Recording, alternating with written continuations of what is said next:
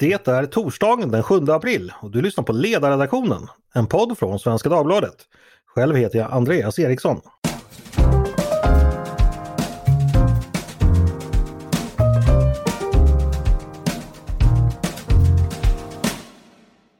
Varmt välkomna ska ni vara till dagens podd. Eh, det ryska kriget mot Ukraina har fått den svenska säkerhetspolitiska debatten att gå på högvarv. Vi lever i en ny verklighet som kräver en ny politik, säger många. Sedan en tid anser alla de borgerliga partierna att denna politik borde vara ett NATO-medlemskap för vår del. Vi ska alltså lämna vår tidigare alliansfrihet och ingå i ett försvarsförbund med 30 andra länder. Tycker exempelvis Moderaterna, Liberalerna, Kristdemokraterna och Centerpartiet. Eh, andra är inte alls lika säkra på att det är så klokt. Alliansfriheten och dess syftande till neutralitet i krig har en minst sagt lång historia i Sverige och kanske till och med en del av vår identitet. Många inom Socialdemokraterna Eh, är exempelvis eh, inte alls lika övertygade om att det är så bra och där har man också ett kongressbeslut på att Sverige inte bör gå med. Men statsminister Magdalena Andersson har ändå när hon fått frågor på sistone vagt öppnat dörren. Så här sa hon exempelvis för några dagar sedan. Vi kan konstatera att alliansfriheten har tjänat Sverige väl, den har hållits utanför konflikter, men när den säkerhetspolitiska kartan ritas om behöver man göra en uppdaterad analys och fatta beslut utifrån den. Eh, det sa hon i SVT förra veckan. Eh, och frågan är ju brännande inte minst för att Finland också har en beslutsprocess just nu som verkar gå ganska fort. De ska ha ett beslut färdigt om ett eventuellt medlemskap redan nu i vår. Så vad händer då i Sverige och vad händer inom regeringen? Eh, det är ju främst inom socialdemokratin som eh, beslutet ligger just nu. Det ska vi tala om idag med mina två gäster. Daniel Färm, politisk redaktör på Socialdemokraternas nyhetstidning Aktuellt i politiken. Och Stig Björn Ljunggren, politisk chefredaktör på Sydöstran. Välkomna hit båda två. Tack så mycket. Och stort tack för att ni ville komma till oss. Ja, det var så trevligt. Ja, visst. Eh, Daniel, eh, tänkte börja med dig och din egen hållning. Eh, du skrev tidigare i vår en debattartikel i Svenskan där det hette att, nu citerar jag dig, argumenten mot ett svenskt NATO-medlemskap har blivit mindre relevanta. Eh, kan du utveckla det lite? Vilka är de argumenten som har blivit svagare? Nej, men, eh, det är klart att eh, alliansfriheten eh, har tjänat Sverige väl, det får man ändå säga. 200 år är 200 år. Eh, men eh, Putin, Rysslands attack mot Ukraina ändrade allt eh, för Europa och faktiskt även för, för Sverige och vår del av, av världen. De främsta eh, förändringarna när det gäller vår syn på alliansfriheten tänker jag eh, dels hänger ihop med att alliansfriheten byggde på Eh, Palmes eh, väldigt sympatiska tanke med, med gemensam säkerhet. Eh, frågan är dock om den är realistisk idag när Putin-Ryssland har mält ut sig från eh, det internationella samfundets eh, strävan efter gemensamma lösningar. Eh, det kan man ju ifrågasätta redan delvis tidigare men nu har det varit väldigt påtagligt och jag tror ingen eh, känner att man kan lita på vad eh, Putin eller Lavrov säger framöver utan där eh, behöver vi ha ett nytt förhållningssätt till Ryssland eh, på, på många olika sätt, men det gäller även säkerhetspolitiskt. Det andra är ju att alliansfriheten har ju hela tiden haft en presumtion om att den alliansfriheten som sådan skulle freda oss från stormakternas eh Eh, konflikter. Eh, det kan man väl också med viss rätt ifrågasätta om det gäller fortfarande efter att Putin-Ryssland angrep eh, likaledes alliansfria Ukraina, även om de, ska erkännas, också hade mer än öppnat dörren för ett ukrainskt, en ukrainsk NATO-ansökan så var de trots allt alliansfria när, och fredssträvandet på alla sätt när Putin-Ryssland angrep dem för, för en dryg månad sedan. Sen är det väl också så att man kan väl fundera på om en annan eh, förhoppning med eh, våran alliansfrihet också kommer att funka. Det är ju det här, kommer vi att få hjälp ändå trots att vi står utanför? Eh, det finns ju en sån förhoppning eh, och, och, den eh, får man fundera på om den verkligen gäller. Eh, vi har ju tack vare Peter Hultqvist en mängd olika eh, bilaterala, trilaterala samarbeten med USA, med Storbritannien, med NATO, eh, med övriga nordiska länder. Men jag lyssnade på Jonas Gahr Störe i 30 minuter igår. Han sa ju också att jo, nej, men vi övar jättemycket tillsammans. Vi har mycket nära eh, broderskap, systerskap med Sverige men eh, det är ändå inte någonting som motsvarar den säkerhetsgaranti som finns i artikel 5 i NATO-stadgan. Okej. Okay. Eh, så det var några. Tack för det Daniel. Eh, får jag fråga, vad landar du själv i, i frågan? Nu har du liksom presenterat varför argumenten mot ha, har eh, minskat i betydelse. Betyder det att du nu är anhängare av ett NATO-medlemskap för, för svensk del? Ja, nej men det, alltså, det finns ytterligare såklart argument. Du, du ser opinionen har förändrats. Det var länge ett viktigt krav eh, för, för de som har, har varit tveksamma att man måste följa opinionen. Opinionen har svängt radikalt i Sverige. Vi har själva också minskat eh, skillnaden när det gäller de ekonomiska åtagandena genom att redan på ett tidigt stadium, oavsett vad vi landar i, så har ju Magdalena Andersson och samtliga partier i riksdagen ställt upp på att vi nu ska höja försvarsanslagen till 2% av BNP. Det gör ju att det argumentet att det skulle bli för dyrt att gå med eh, har fallit kan man, kan man säga. Eh, och så vidare. Det finns fler argument, men, men det är i alla fall några. Jag, min, min slutsats är följande. Om Finland går med och mm. om den, säkerhets, den fördjupade säkerhetspolitiska analysen som regeringen har tillsatt landar i att ett svenskt NATO-medlemskap skulle vara det bästa för att, att trygga Sveriges säkerhet, då är jag positiv. Jag ser ju tydliga fördelar med det eh, och, och, det skulle jag välkomna i så fall. Men jag tycker att det behöver bygga på båda de premisserna. Finlands ställningstagande och analysen, den fördjupade analysens slutsatser. Mm. Där fick vi en eh, lång och eh, tydlig plädering. Eh, Stigbjörn, när du hör eh, Daniel här, eh, vad skulle du säga, är det här en linje som eh, så att säga eh, vinner, vinner genklang i partiet eller vad står Socialdemokraterna i NATO-frågan idag om du försöker sammanfatta det lite kort för oss utomstående? Mycket kluven. Eh, det är ju så att ehm, eh, i, i Sverige så har ju den säkerhetspolitiska linjen som ju då eh, vanligtvis sammanfattas i alliansfrihet för att kunna vara neutrala i krig blivit liksom ett mål i sig. Va? Och det är två saker man har tappat då. Det första man har tappat är att det är inte två punkter i den här säkerhetspolitiken utan det är en tredje punkt också, nämligen att vi ska ha ett efter våra förhållanden starkt försvar. Mm. Och det är många av de här som har det här som ett heligt mantra, de hoppar gärna över det där. De vill ha pengarna till annat. Den Okej, andra... så vi är neutrala och saknar försvar samtidigt? Det är så... Ja, ja alltså det är alliansfrihet utan en stark försvarsmakt. En, en mm. jävligt stark försvarsmakt. Det är bara mm. humbug. Okay. Det andra man tappar bort det är att, att alliansfrihet och neutralitet det är ju ett, ett medel eh, för att uppnå målet, nämligen att säkra rikets fortbestånd och relativa självständighet. Eh, och därmed så kan ju den här också ändras efter, efter eh, hur samhällsutvecklingen runt om i världen ser ut. Va? Och det ser vi ju ett bra exempel på nu, eh, att vi är inte neutrala i den här konflikten som skett, va? utan här till och med exporterar vi vapen trots att vi har sagt att vi inte ska göra det. Så, så ändrar man detta så att säga i, rätt upp och ner. Så, mm. att, så att det, jag tycker en, en viktig utgångspunkt är att, att det är inte så att Socialdemokraterna en gång för alla har sagt nej till NATO. Egentligen, egentligen är det så att vi är redan medlemmar i NATO. Alltså vi har en säkerhetspolitik som har gått ut på att vi ska hålla oss borta från krig. Eh, och det har varit liksom prio ett. Men sen har vi också haft ett prio två och det är att om vi lik förbannat blir indragna i krig, då ska vi, eh, ska vi försvara oss och detta med hjälp av vän, vänliga nationer. Eh, undertext eh, av USA framförallt och NATO i andra hand. Eh, och där har vi väl också, tror vi, haft någon typ av säkerhetsgaranti informellt ifrån av framförallt USA då att, att eh, i händelse av att vi blir angripna av Ryssland som vi ju pratar om så kommer vi också få hjälp. Va? Och vi har förberett detta. Eh, och det här har ju inte NATO amerikan... Du pratade om 50-talet då i landet? Nej, jag pratade om alldeles nyss. Ja, okay. Eh, att de, de säkerhetsgarantierna finns alltså? Ja, men den här har ju funnits hela tiden. Den fanns under Palme också.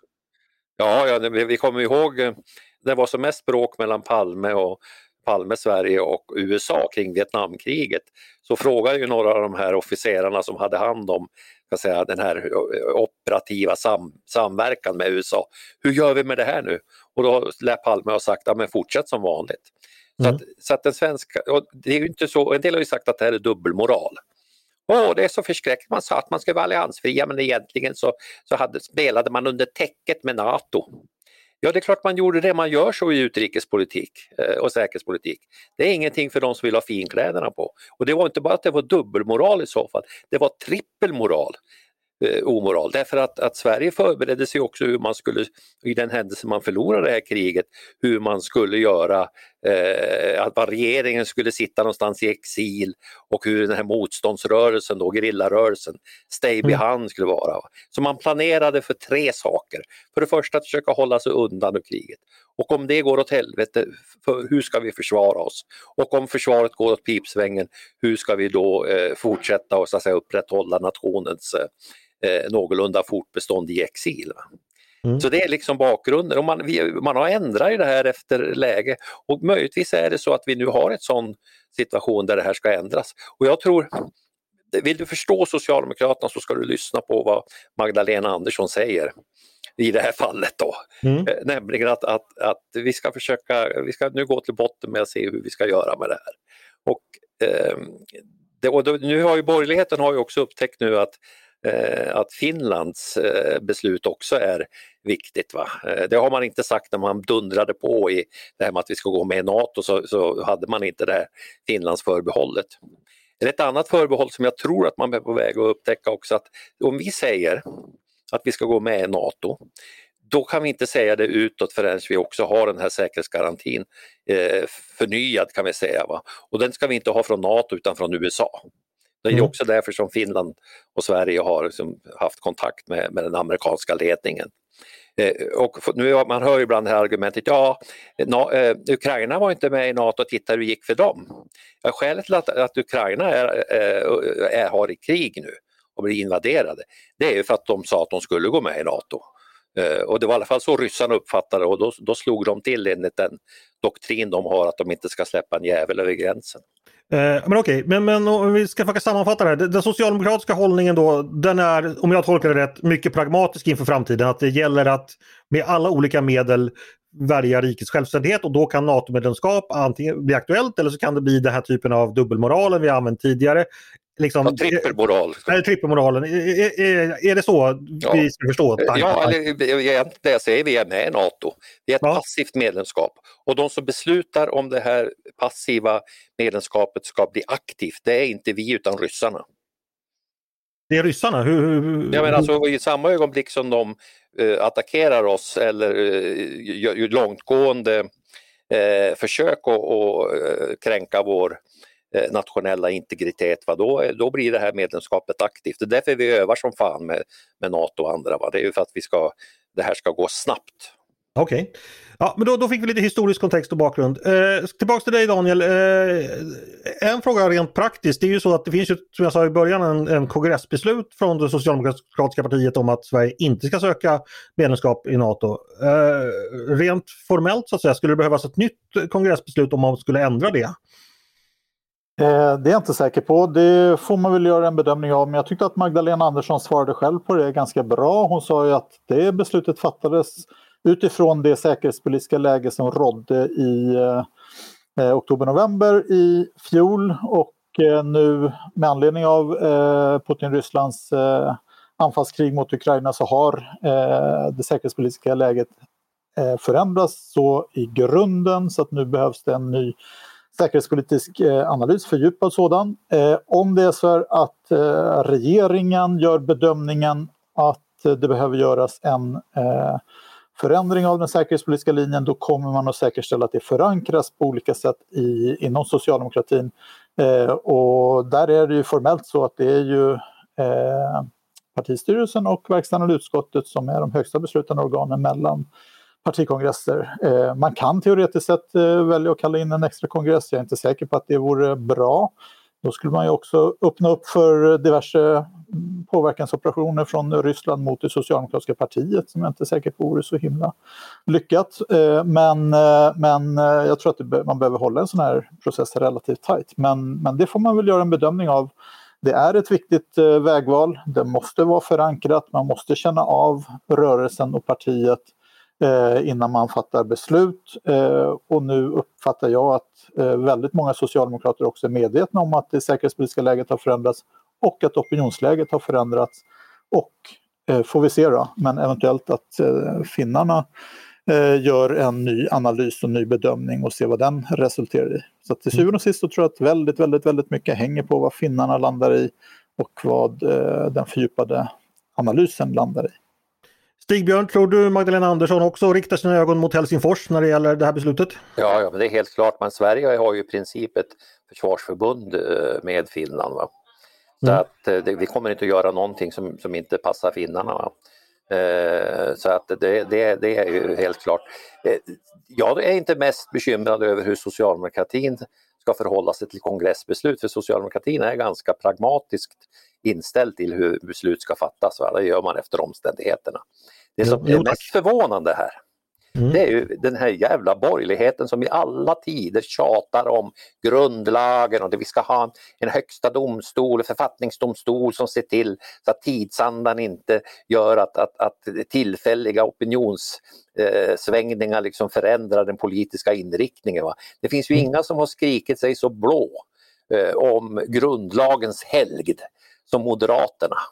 Och nu plötsligt så blir det en sån här förändring i tidsandan och då vill de alltså kasta oss in i ett mycket förpliktigande eh, övernationellt samarbete utan att ens liksom snegla åt grundlagen eller tycka att det här är en fråga som, som eh, vi måste liksom ta, ta, till oss försiktigt utan de vill ju helst gå med i, i, igår. Va?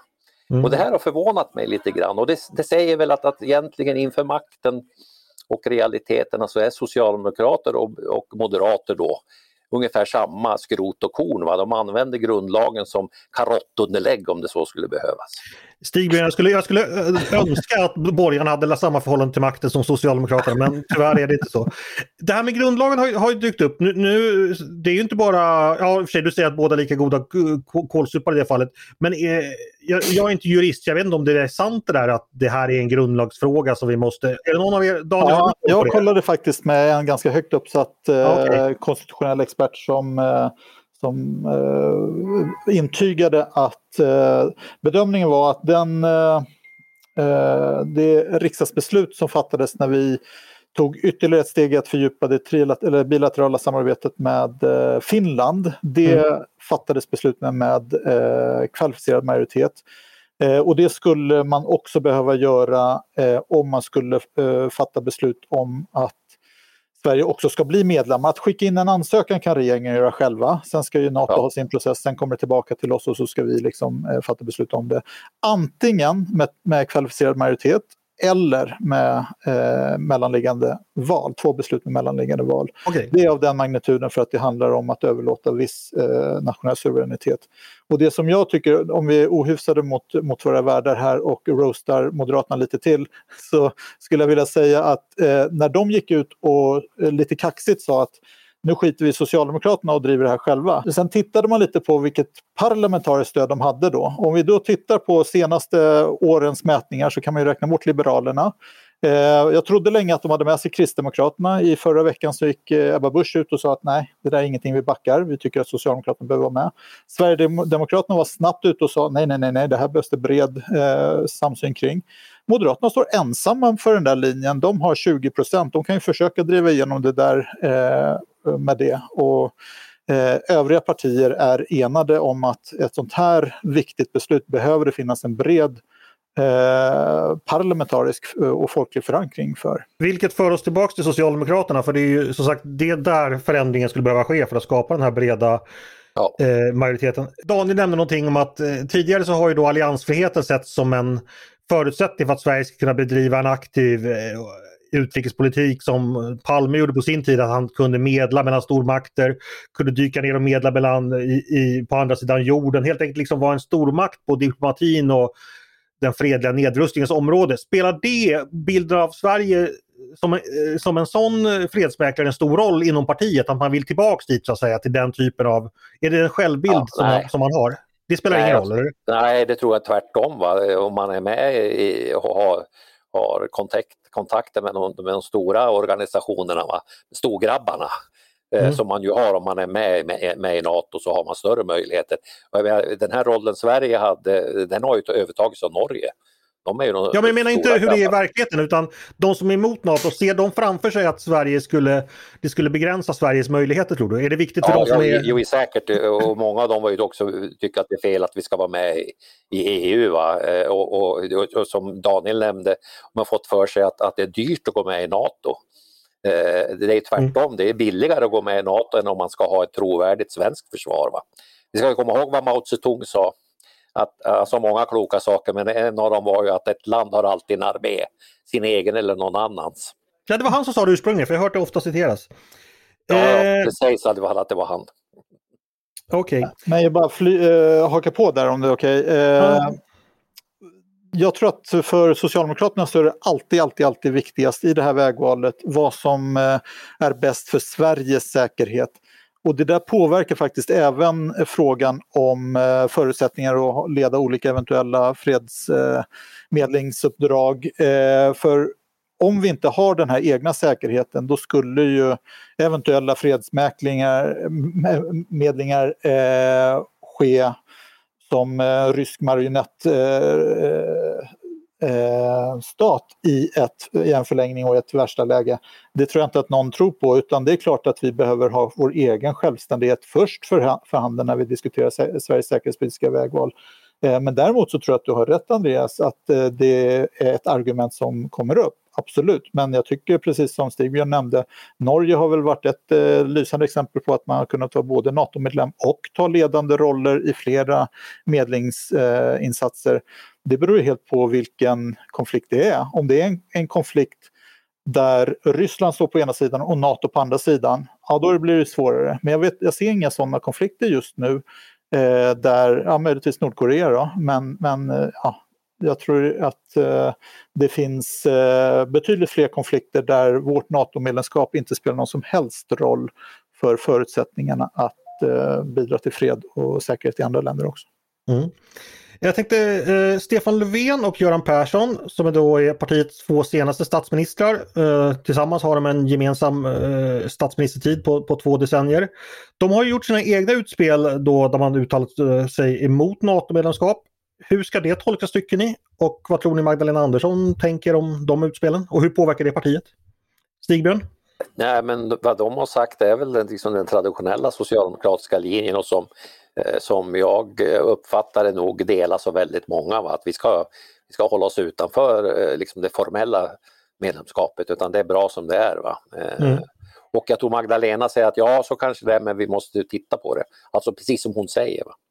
Och det här är inget försök att liksom lägga stenar i andra vågskålen framför hennes näsa så att säga? Nej, det, där ligger ju alla stenarna redan. Så, att, så att det, det är, utan det är omständigheterna och, och den sitta, regeringen styr ju riket, va? så alltså, det är liksom det som avgör.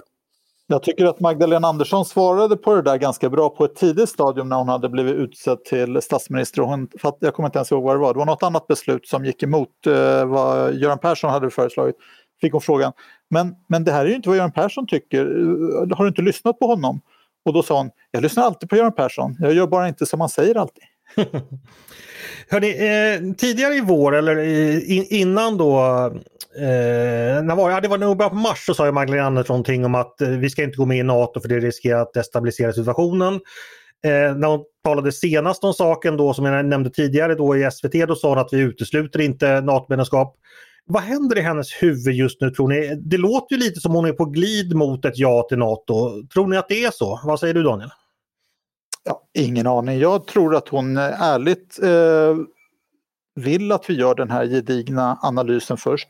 Jag tror att hon ärligt är beredd att fatta precis det beslut som behövs för att bäst säkra Sveriges eh, trygghet, eh, oberoende, självständighet. Eh, oavsett om det skulle vara ett ett eh, NATO-medlemskap eller ett fördjupat, ytterligare fördjupat samarbete med Finland och USA eller något annat. Eh, jag är helt säker på att det är det enda som hon har för ögonen just nu i det här är vad eh, finnarna säger och vad analysen säger så kommer hon fatta ett beslut utifrån det. Vad har hon för relation med, med Sanna Marin?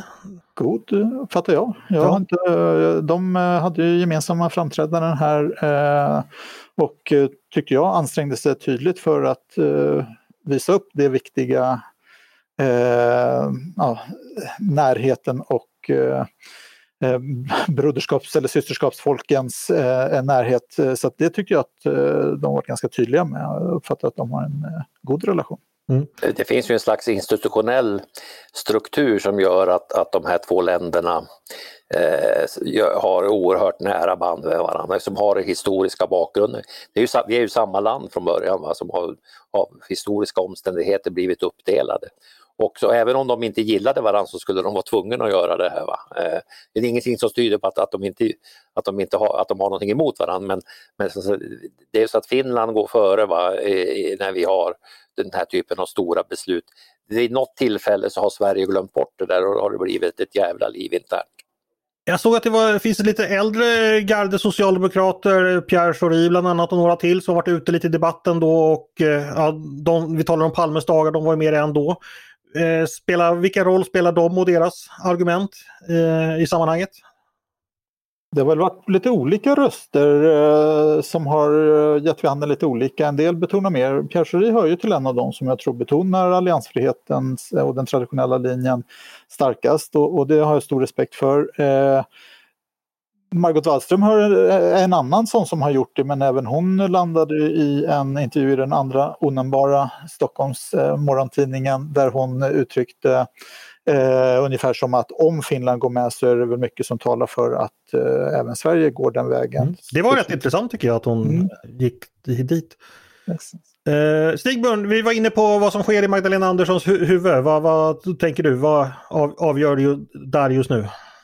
Nej, men alltså det som hon har sagt, för att nu ska vi om vi nu, eh, vi nu ska gå med, eh, va, så sker det tillsammans med Finland. Och hur gör vi detta rent konkret för att inte råka ut för störningar va, ifrån, från, eh, från antagonisten? Eh, att vi måste ha den här garantin va, om de inte redan har fått den. Så att, eh, och som jag, alltså min utgångspunkt är ju att vi redan är medlemmar. Mm. Så att det här med att antingen är vi medlemmar eller inte medlemmar, det, det, i min värld gäller inte det. Utan här är ju frågan om vi ska liksom ta det formella steget också. Uh, och, och, och det, det beror då inte på i första hand att vi vill det utan att ryssarna tvingar oss till det. Mm. Men då, många brukar ju påpeka att det är en jäkla skillnad mellan att vara informell smygmedlem och faktiskt vara mm. öppen medlem, det här med paragraf 5 och sådär. Men du, du köper inte det resonemanget? Nej, men alltså för samma personer, alltså samma personer som säger det, de betonar också att, att det finns ingen, det finns ingen som är rättslig eh, rättsligt bindande kontrakt i NATO som säger att, att om en råkar illa ut så ska de andra ovillkorligt komma och hjälpa till. Det finns ju, finns ju så att säga spelrum inom ramarna för NATO. Eh, dessutom är NATO, som också brukar påpekas, inget som krigsmaskineri som står där för, fixt och färdigt va, i blänkande utrustning kan ryck, rycka ut. Det är en rätt saggig organisation va, som nu håller på att eh, uppdateras något. Va. Mm. Och sen är det så att, att um, i, när det gäller den här typen av frågor så kan man aldrig fullt ut lita på andra länder utan man är sig själv ytterst. Mm. Eh, därför så ska vi alltid vara förberedda på att vi får stå ensamma. Mm. Ja, men det där håller jag med om, bara flika in det. Jag eh, håller med om att det, till syvende och sist så måste varje land själva eh, ha, ta det främsta ansvaret för sin eh, säkerhet och sin försvarsförmåga och det görs ju nu också med upprustningen och höjningen av försvarsanslaget. Men jag tycker ändå att det är viktigt att betona och jag tyckte som sagt att Jonas Gahr Störe betonade det. Det är skillnad på fullvärdigt medlemskap och det långtgående samarbete som Sverige och Finland eh, till exempel har med, med NATO. För det är just eh, artikel 5, det är just eh, försvarsförpliktelserna. Och har du, sitter du som amerikansk president och väljer om du ska kliva in och riskera tredje världskrig inklusive svampmoln över amerikanska städer för en icke-medlem som du inte har några förpliktelser till eller en faktisk medlem som du har förpliktelser till. Även om det, du har helt rätt om att det måste fattas nationella beslut också för, för eh, exakt vad man gör så tror jag att det där är en ganska stor skillnad när det gäller eh, att gå in i konflikt med en annan kärnvapenmakt. Mm. En fråga, det har ibland pratats om någonting som man brukar kalla Hultqvist-doktrinen. Det myntades för några år sedan och det syftar på att, eh, lite som ett alternativ till NATO, ett nära samarbete med NATO och andra partners, främst Finland då som då Peter Hultqvist, försvarsministern, ska vara upphovsman eh, till. Eh, vad har ni att säga om det? Är det någonting som spelar någon roll i diskussionen inom socialdemokratin hur man ställer sig till NATO? Att det skulle kunna vara liksom en NATO light eller ett alternativ? Eller, eh, Daniel, vad, vad tänker du om det? Ett alternativ är det absolut. Eh, om det är ett lika bra alternativ eller inte, det tycker jag hänger på, på analysen. Antingen så gör man bedömningen att riskerna med ett eh, eh, Eh, en svensk NATO-ansökan vad det gäller konsekvenser för svensk säkerhet är större om man skulle skicka med. Eller så eh, gör man bedömningen att vi kan få säkerhetsgarantier under en ansökningsprocess och sen är man mer skyddad som medlem. Den, den avvägningen och analysen tycker jag är genuint svår eh, och har stor, stor respekt för att man kan eh, landa i olika slutsatser där. Eh, man kan gilla NATO hur mycket som helst. Man kan tycka att det är logiskt, eh, principiellt rätt, Putin ska inte bestämma etc. etc, etc. Men om det finns minsta risk för att det kan få konsekvenser som skulle vara mycket allvarliga så måste man åtminstone väga in dem. Och det handlar inte om att ge Putin eh, veto, eh, men man måste, om man menar allvar med att ta ansvar för vår nationella säkerhet så måste man väga in alla olika aspekter, också konsekvenser som man kanske inte eh, hade räknat med eller tänkt på. Så att i den bemärkelsen så tycker jag att Hultqvist eh, har haft eh, liksom rätt i att försöka att göra vad man har kunnat redan på ett långt och tidigt stadium. Jag tycker också att Hultqvist har gjort väldigt mycket för att eh, öka acceptansen bland svenska folket för att USA och NATO är viktiga vänskapligt sinnade partners till Sverige. Oavsett om man har de här samarbetena som man har nu eller om det är ett NATO-medlemskap så har han ju verkligen eh, tycker jag, på ett positivt sätt varit modig i att eh, driva ett sådana långtgående samarbeten. Mm. Eh, vi ska närma oss och runda av. Stigbjörn slutligen, vad kommer hända härnäst i regeringens hantering av NATO-frågan, tror du? Ja, avvakta tillsammans med finnarna va, tror jag och analyserar. Och mm. så eh, blir det ju lite grann också utvecklingen i Ukraina blir ju också rätt viktig i det här sammanhanget. Va? Och som sagt var vi Eh, det Hultqvist har gjort va, eh, och socialdemokratin har gjort under honom det är ju att eh, göra att, att vi har blivit i princip medlemmar. Va. Så det är ju egentligen bara ett pennstreck som fattas va, och den här säkerhetsgarantin för att vi ska kunna kliva på om det så, om det så skulle behövas.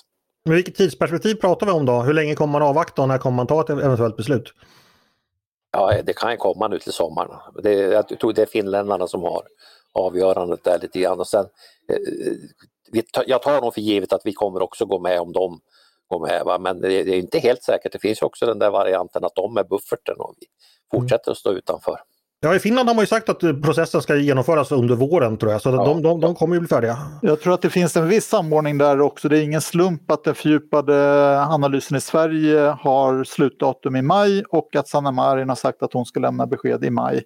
Eh, så någon gång där, precis som Stigbjörn säger, på försommaren så tror jag att eh, det kommer att komma eh, ja, någon sorts besked från både Sverige och Finland om eh, vart, man, vart man landar. Så man pratar rätt mycket med varandra just nu mellan Stockholm och Helsingfors, tänker du? Utgår från att man skickar brevduvor fram och tillbaka till varandra hela tiden, absolut. Mm. Ja, men okej, eh, då vet vi lite mer om vad som väntar framöver. Vi får se eh, vad som sker under våren och försommaren. Stort tack för att ni ville komma eh, hit till podden Daniel Färm och Stig-Björn Ljunggren. Tack så mycket. Tack. Tack till er som har lyssnat också på Ledarredaktionen, en podd från Svenska Dagbladet. Varmt välkomna att höra av er till oss med synpunkter på det vi har precis diskuterat eller om ni har idéer och förslag på saker vi ska ta upp i framtiden. Maila då bara oss på ledarsidan snabel svd.se. Dagens producent, han heter som vanligt Jesper Sandström. Jag heter som vanligt Andreas Eriksson och jag hoppas som vanligt att vi hörs igen snart.